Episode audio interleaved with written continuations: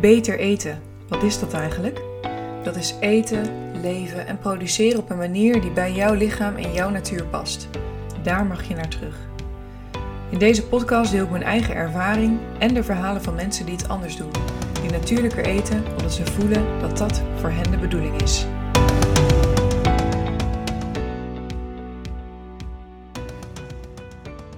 Hey, wat leuk dat je weer luistert. Dit is weer een beetje een andere aflevering. Het is namelijk niet ik die iemand anders interviewt, maar iemand die mij interviewt. Ik word geïnterviewd door Tosca. Zij heeft een eigen podcastkanaal, de Gezonde Jongeren Podcast. En zij ging met mij in gesprek over mijn manier van eten, namelijk de carnivore manier van eten.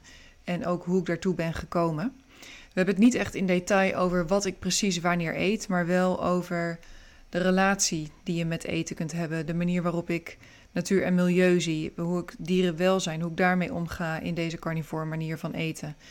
En ehm, nou, vooral hoe je ook wat meer ontspanning kunt vinden in het eten, in de ontdekkingsreis die je daarin aflegt. En dat je daarin niet te hard voor jezelf moet zijn, maar dat het echt een proces is waar je nou ja, in, op in ontdekkingsreis gaat, als het ware. En waarin je niet te, te streng voor jezelf hoeft te zijn. Dat is een beetje de moraal van het verhaal. Als je hierin geïnteresseerd bent, zou ik zeggen, blijf lekker luisteren. Tosca is uh, een hele toffe jonge meid die uh, op haar manier haar bijdrage wil leveren aan meer bewustwording rondom voedsel en de relatie die je met voedsel hebt. Dus dat ja, vind ik echt iets super moois. Ja, ik zou zeggen heel erg veel luisterplezier.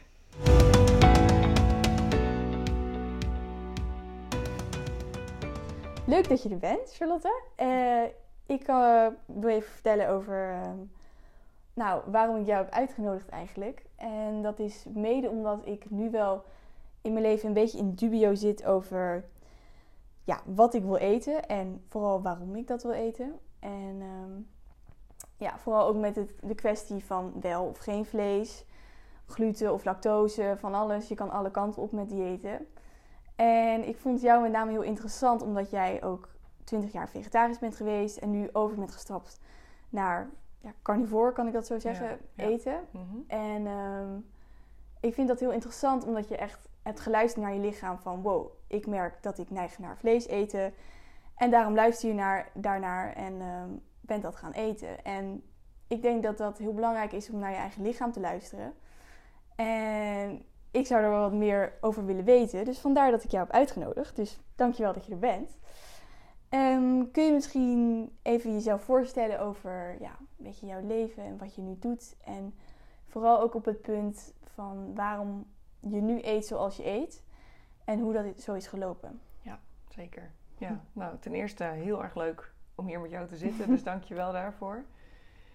Um, ik ben dus Charlotte Cederel, ben 31 en um, ik heb een praktijk waarin ik mensen begeleid met familieopstellingen en massagetherapie, ook soms lichaamswerk. Um, bijna allemaal helemaal gericht om mensen het contact met hun lijf weer te laten voelen, uh, dat contact te herstellen. Um, en nou ja, ook veel dus met opstellingen, familieopstellingen. En ik heb zelf ook een, iets nieuws ontwikkeld, dat noem ik dan uh, voedingsopstellingen. En daarbij kijken we aan de hand van opstellingen naar de basis van jouw worsteling met voeding of um, je worsteling met je lijf. Nou ja, dus daar, daar ligt vaak van alles onder. Die, worsteling met voeding of die zoektocht daarin voor sommigen, dat is vaak een symptoom. En ik kan met je kijken naar, hey, wat ligt er nou aan de basis van? Dus dat, ik, dat is wat ik doe voor mijn werk. En ik heb zelf wat betreft voeding inderdaad ook best wel een reis gemaakt. En dat is nog steeds gaande, want ja, ik weet niet of dat ooit helemaal voorbij gaat, zeg maar. Je bent altijd wel, ja, dan heb je weer iets gevonden en dan voelt dat helemaal fijn. En ik, ik kan niet zeggen dat ik over vijf jaar nog steeds hetzelfde zal doen. Dat, dat is ook weer afhankelijk van waar je staat en uh, wat op dat moment bij je past.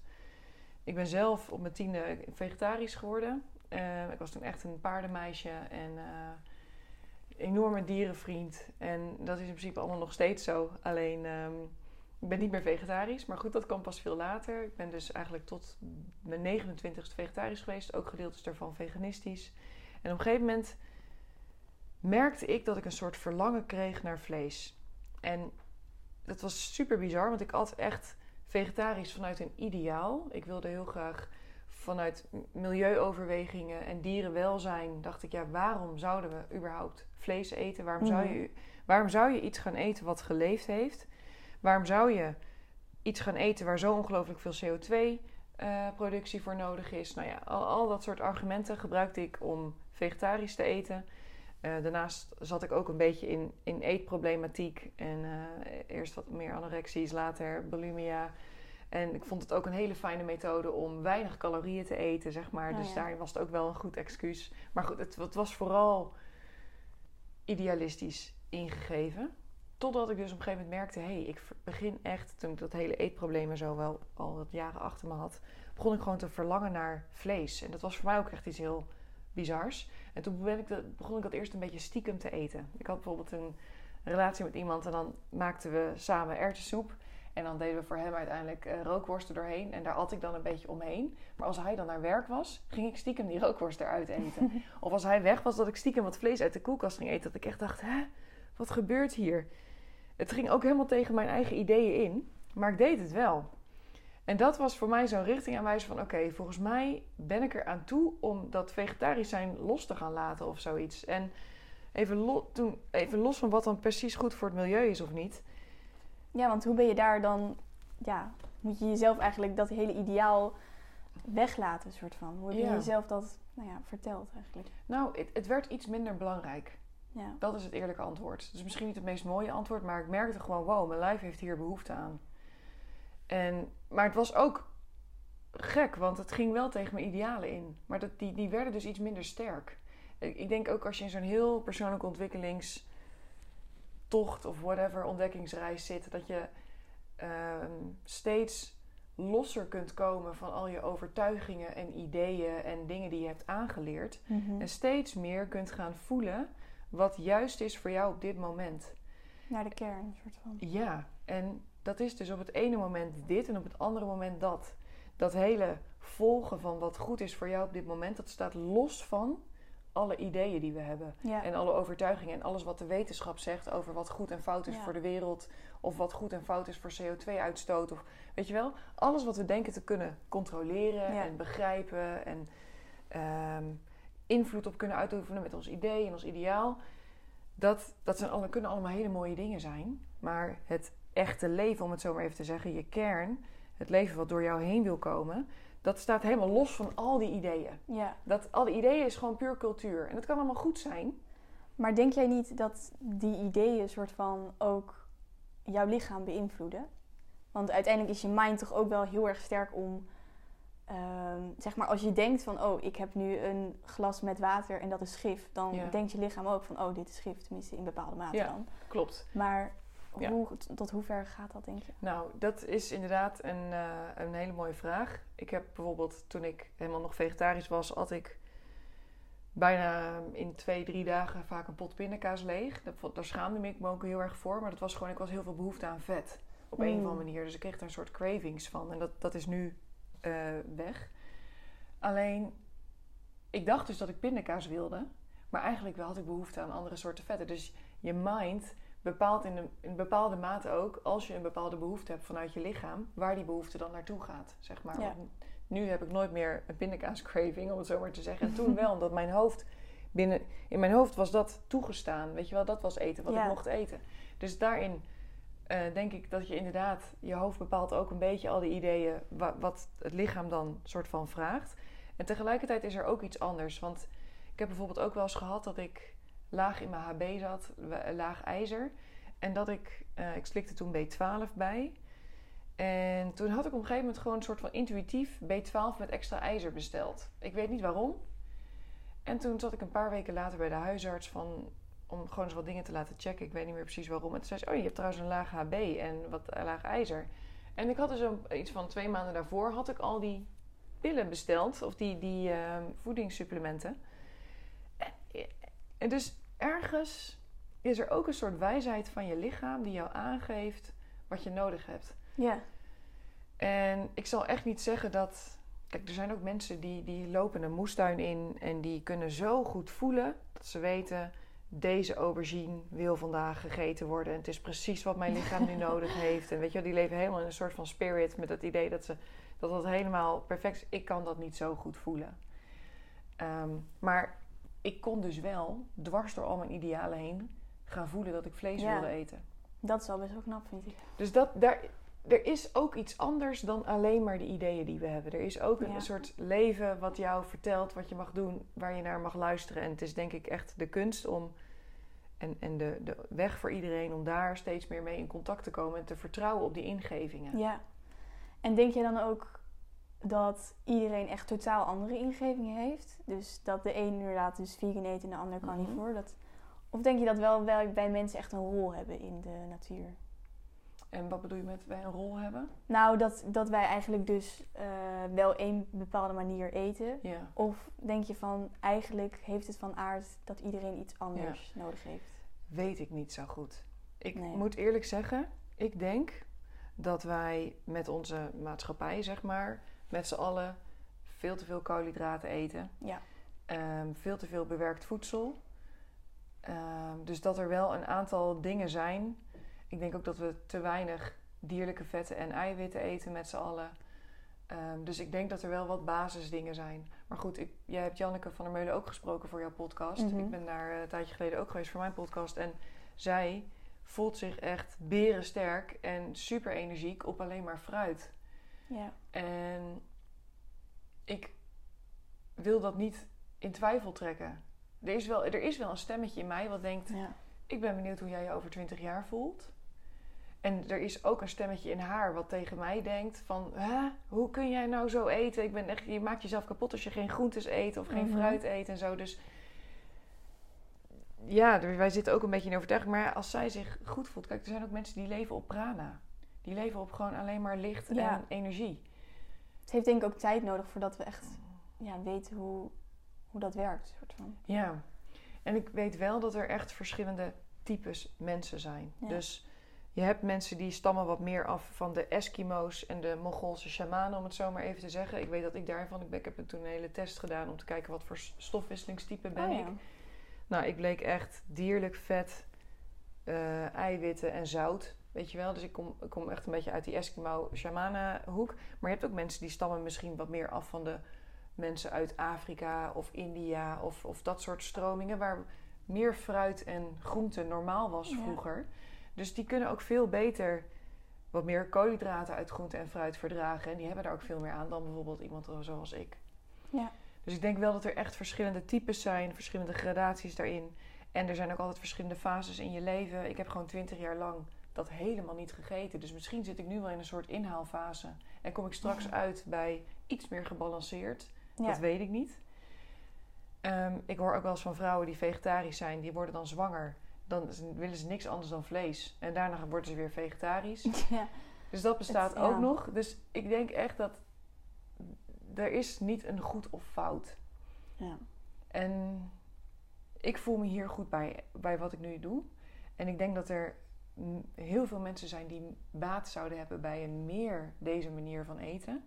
Maar dat komt ook omdat ik me nu helemaal voed met allerlei bronnen die mijn manier van eten bevestigen. Ik zit in een soort carnivore community. Ik, ik volg een soort coachingstraject. ehm, of ik, nou, ik zit meer in een soort community waar, in ieder geval vanuit Amerika, waarbij allemaal mensen zoals ik, of allemaal mensen eten zoals ik.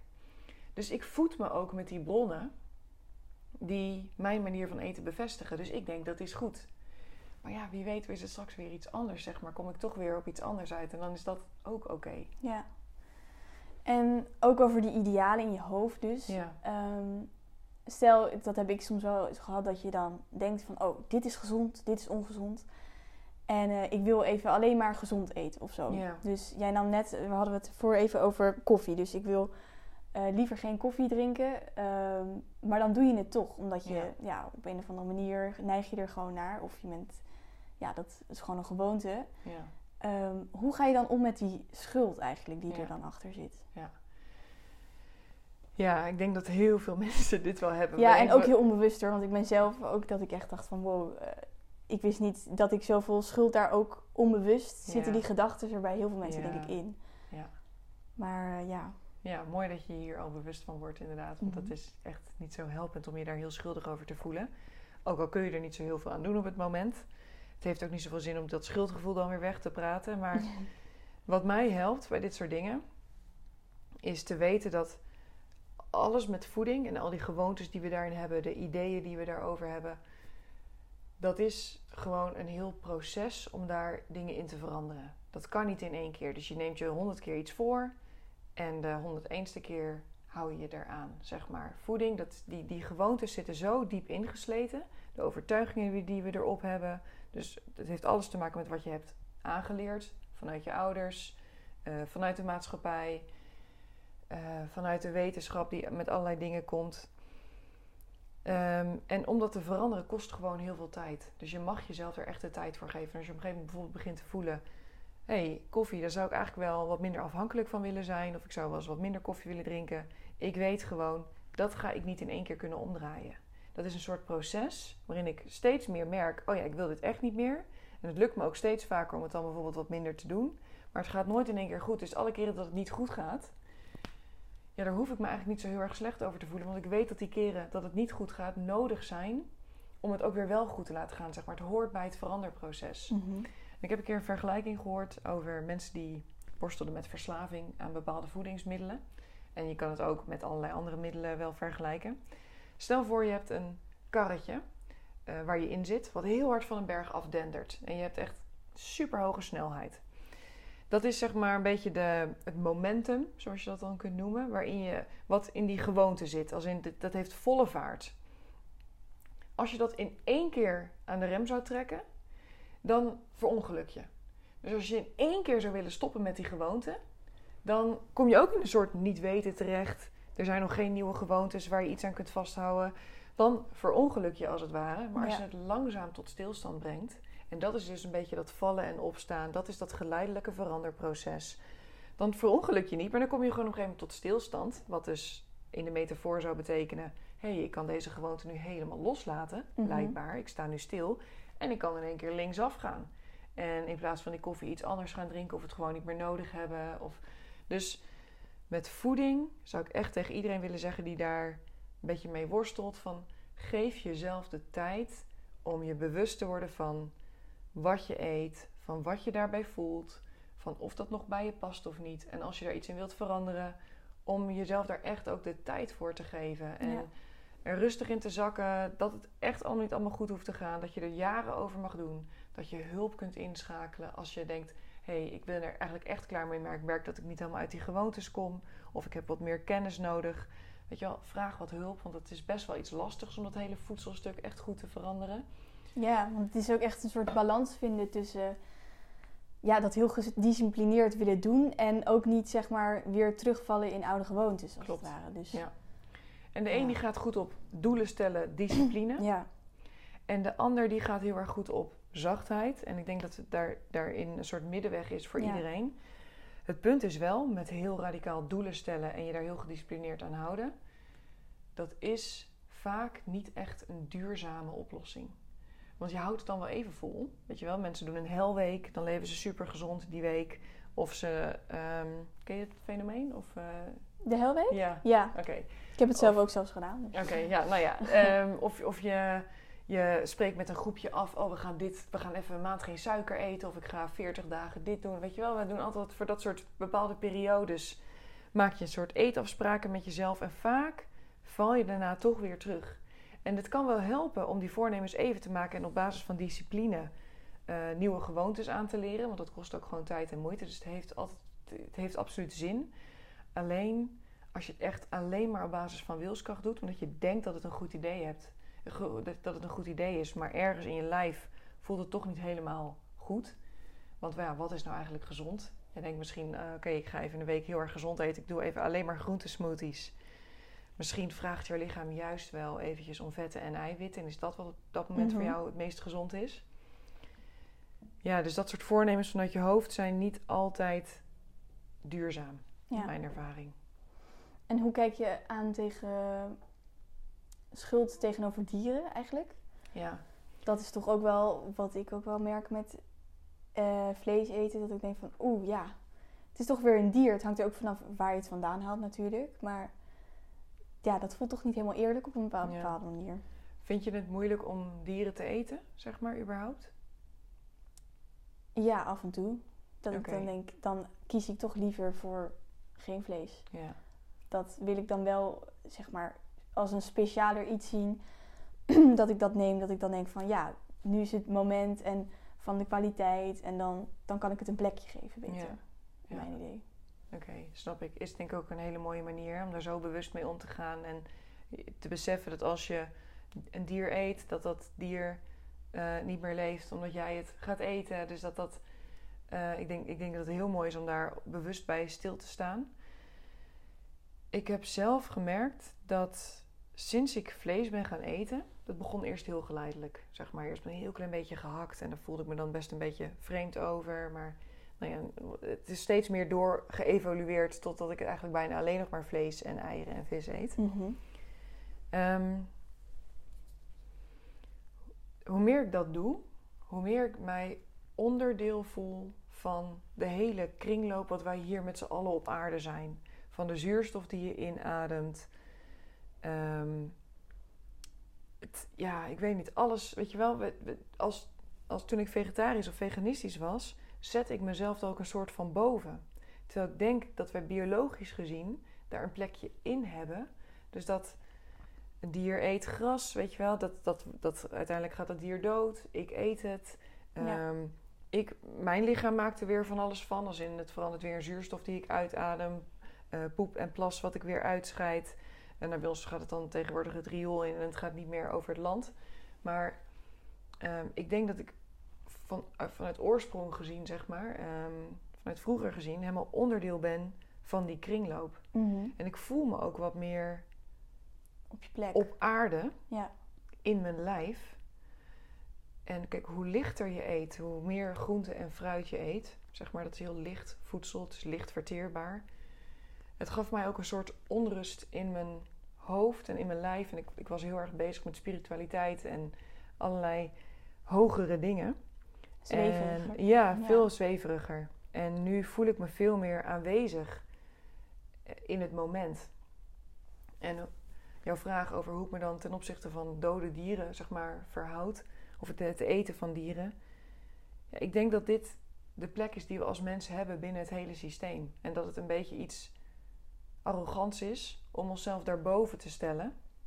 En te denken, oh ja, wij, wij begrijpen als mens hoe het werkt met deze aarde. En we staan, daar, we staan boven die voedselketen. Dus wij zorgen voor dieren, maar we eten ze niet.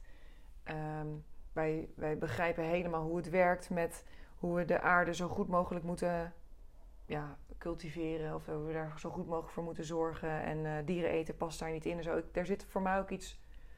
Nou, arrogantie is misschien niet helemaal het goede woord, maar alsof je je daarboven stelt. Ja, ik snap wat je bedoelt. Terwijl we eigenlijk daar onderdeel van zijn. En ja, dus dat is wel hoe ik dat zie. En ik probeer wel zo biologisch mogelijk. Ik weet waar alles vandaan komt, wat ik eet. Ja.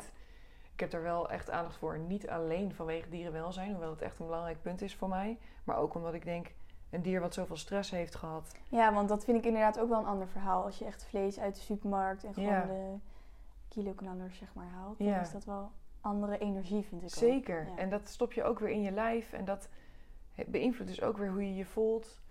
En wat je, nou ja, je trilling is. Ik weet niet precies hoe het allemaal werkt. Maar ik geloof echt Heel wel dat diep. het allemaal, Ja. Allemaal elkaar beïnvloedt. En dat de keuzes die je daarin maakt invloed hebben.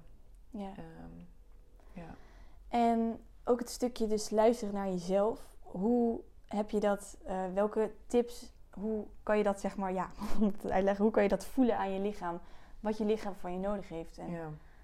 Want dat is echt soms zo breed hoe, ik dat, eh, hoe je dat kan zien. Want op een dag eet je ten eerste al zoveel. Er gebeuren zoveel dingen wat dat inderdaad beïnvloedt. Ja. Dus hoe kan je daar toch tussen de regels door een beetje iets terugvinden van wat jouw lichaam van je wilt? Ja, ja goede vraag. Ehm, dat is best een zoektocht. Want inderdaad, we eten gewoon heel veel verschillende dingen. Ehm, en er zijn zo ongelooflijk veel meningen over wat gezond zou zijn, wat goed zou Mhm. zijn. Dus, en voor, voor iedere vorm van eten zijn wel allerlei argumenten te bedenken. En het is ook vast ergens wel eens bewezen dat dat dan weer de juiste manier is of het juiste om te doen. Mhm. Dus het is best een zoektocht om te ontdekken: hé, hey, wat, wat, waar heeft mijn lichaam nou behoefte aan en wat is goed voor mij? Ehm, ik, wat mij heeft geholpen, is dat ik in eerste instantie wel echt ook mezelf even heb laten testen. Dat heb ik bij een TCM-therapeut gedaan. Zeg maar van wat voor stofwisselingstype heb ik nou? Wat voor voeding past bij mijn lichaam? Wat voor voeding past er bij mijn bloedgroep? Oh ja. Je kunt allerlei eh, testen laten doen met, met bloedanalyse en zo. Ik weet niet precies wat er allemaal is, maar er zijn verschillende manieren om te ontdekken: hé, hey, wat voor voedsel past er nou eigenlijk bij mijn lichaam? Want er is niet one size fits all, zeg maar. En toen daar zo uitkwam van: oh ja, je mag echt vlees eten, want dat past helemaal bij jouw constitutie. Toen ben ik daar steeds meer aan gaan toegeven. En dan is het ook wel een kwestie van experimenteren. Van oké, als ik een rundervink eet, dan voelt dat zo in mijn lijf. En als ik een boterham met pindakaas eet, dan voelt dat zo. Doe je dat dan echt gewoon een week lang proberen? Een soort van 100%? Of doe je dat echt in kleine mate? Ja, ik doe dat niet super bewust. Behalve dat ik op een gegeven moment steeds meer ben gaan toegeven aan mijn vleesbehoeften. en toen ben ik dat gewoon steeds meer gaan eten. En in het begin dacht ik, oeh, twee eieren op een dag is echt heel veel. Weet je hoeveel eiwitten erin zitten? Weet je hoeveel vetten daarin zitten? Bla bla bla bla bla. En op een gegeven moment ben ik gewoon, had ik soms wel eens dagen dat ik vijf eieren op een dag had. En ehm, dat voelde eigenlijk heel rustig en ontspannen. Dus zo is het een soort proces waarin je steeds vrijer wordt in de keuzes. En dan ga je automatisch dezelfde keuzes, of de, de goede keuzes maken, denk ik. Ja. En wat ik ook wel eens doe, is dat ik gewoon door een winkel loop en kijk waar mijn voeten heen bewegen. Oh ja, dat doe ik Ehm, ook soms. Ja, om te kijken waar ik zin ook, in heb. Ik, ik zie wel in de supermarkt, dan voel ik gewoon... Want vaak heeft je smaak ook wel een soort van zeker. idee van wat ik wil. Ja, En ja, dat is wel interessant. dus dat soort dingen kun je gebruiken. En het is een soort samenspel tussen wat je, waar je lichaam heen beweegt en ehm, een soort iets in jou wat weet, oh ja, binnen deze voedingsmiddelen mag ik het van mezelf zoeken of zoiets, weet je wel. Dus ik, Ja. mag eh, eieren, vlees, boter, dat soort dingen. En of ik dan die dag wel of niet melk drink of niet, of dat ik, of dat ik juist ga voor eieren met spek of dat ik ga voor een rundervink, dat kan ik dan in de winkel gewoon of als ik voor mijn koelkast sta voelen van, oh ja, wat, wat vind ik daar fijn. En tegelijkertijd denk ik ook dat er heel veel mensen zijn die gewoon heel goed gaan op een bepaald ritme. Dus dat je ook echt wel kan beslissen: oké, ik ga gewoon eens twee weken dit proberen. Kijk hoe het is. Dat Ja. je niet iedere keer die keuzes hoeft te maken. Maar dat je gewoon weet: ik ga gewoon eens twee weken lang iedere dag als ontbijt wat eieren eten in ieder geval. En ik zorg dat ik iedere avond wat vlees eet. Ja. Eh, om te kijken hoe dat is. Want het lastige is wel met iedere keer dat zo intuïtief proberen aan te voelen.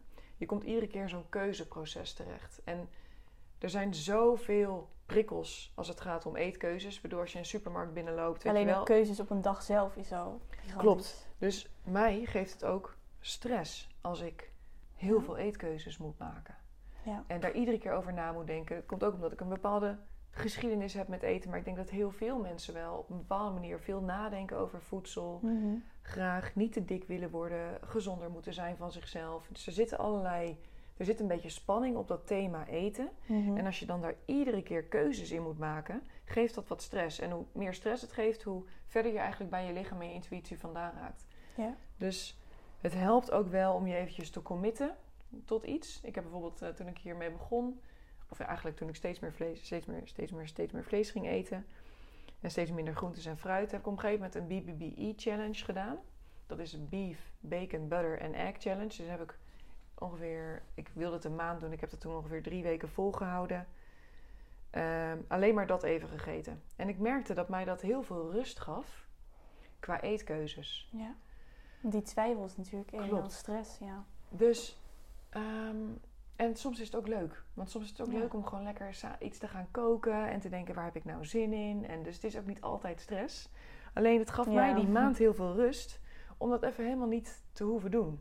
Ja. Dus, en ook daarin denk ik, ja, het komt wel op je pad. Als je mij hoort praten over die BBBE challenge, of je hoort iemand praten over een groene smoothie challenge, weet ik veel wat zeg maar voor jou dan fijn is. En je voelt in je lichaam van, oeh, dat is interessant.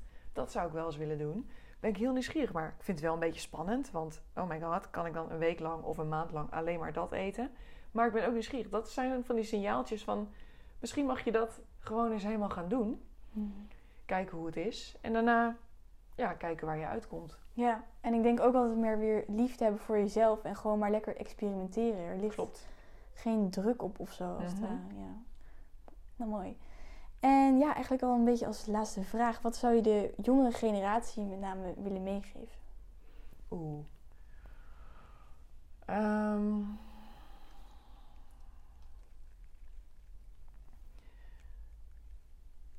Ehm, twee dingen. Het eerste is: kijk of je het oordeel wat je naar jezelf hebt over wat je eet en hoe je eet, eraf kunt halen. En dat is oefenen. Dat is iedere keer als je merkt, oeh, ik voel me erg schuldig over. Oeh, ik heb een oordeel over dit. Oeh, ik doe dit, ik eet dit, wil ik eigenlijk niet, voel ik me weer slecht over, bla bla bla. We vinden de Mhm. hele dag door van alles van onszelf. En dat gaat ook over eten. Niet alleen over eten, maar we vinden de hele dag. Mhm. Kijk of je iedere keer dat je jezelf daarin ontdekt, oké, terug. Ik hoef geen oordeel te hebben. Ik mag dit gewoon eten. Eh, of je daarin wat ontspanning kunt vinden. En dat zit er misschien ook in als je andere mensen bijvoorbeeld chips ziet eten. Je denkt, wow, dat is echt vet ongezond. Weet je wel, bam, oordeel. Oh nee, terug. Ik ga er niks van vinden. Of als je zelf iets ziet eten waar je een oordeel over hebt, terug. Niks van vinden. Kijk iedere keer of je een oordeel hebt. Of je jezelf kunt terugfluiten. Omdat oordeel en die spanning en die mening en die ideeën die we rondom voeding hebben. Ja, of je die wat kunt losweken van jezelf. En dat is gewoon trainen eigenlijk als het ware. Je gedachten Meditatie trainen. eigenlijk al. Ja, een soort hele dag door meditatie. En iedere keer als je merkt, oh, ik heb een oordeel, terug, zeg maar. Kijk of je het los kunt laten. Het is een oordeel, het is een gedachte, hoef ik niet te hebben. Om zo die spanning of dat, dat, die lading die we soms op het onderwerp hebben Mhm. liggen, eh, of die er wat af kan. Want die blokkeert ons eerder in het maken van de keuzes die passen bij jou op dit moment. En Je Ook. verder wegbrengen ook van je lichaam. eigenlijk. ja, breng Ja. je verder weg van je lijf. Verder weg van liefde voor jezelf. En dus ook verder weg van liefde voor de wereld, voor andere mensen. Dus iedere keer als je een oordeel voelt, terug naar jezelf. Dus dat is een soort oefening waar ik best wel heel veel aan heb gehad. Niet alleen rondom voeding, maar ook in mijn hele leven. Iedere keer als ik iets vind van iemand, oh ja, terug. En het andere is, als het gewoon echt puur gaat over eten. Dat vinden mensen ook altijd fijn om te horen. Wat moet ik dan eten? Dan denk ik dat echt iedereen er wel bij gebaat is om minder suiker en minder koolhydraten te eten. Dat denk ik echt, zeg maar, voor dat dat voor bijna iedereen in, onze, in ons land, laat ik het even daarbij houden, een stap in de goede richting is. Ja. En hoe meer koolhydraten en suikers wij eten, dat heeft namelijk ook effect op je systeem, op de onrust in je systeem. En er is zo'n term dat heet het, het versuikerde brein. Hoe meer suikers en koolhydraten, dat geeft ook een bepaalde onrust in je hoofd. En dat, dat haalt je ook een beetje uit je lichaam eigenlijk. En brengt je heel erg in je hoofd. En hoe meer vetten en eiwitten je kunt eten, helemaal voor vrouwen.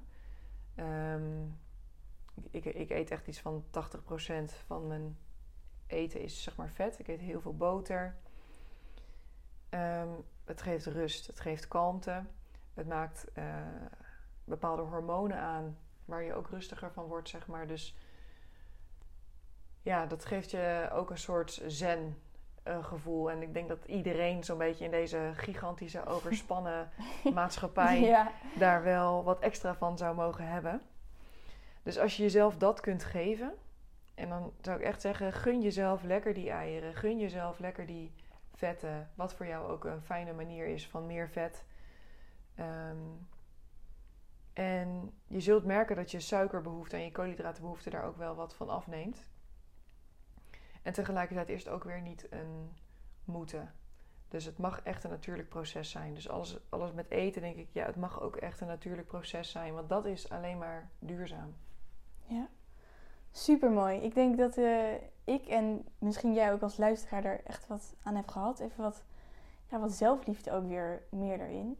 Rondom het thema eten en voeding en gezondheid. Dus ja, ik sluit hem bij deze af. Heel erg bedankt Charlotte en eh dankjewel voor het luisteren.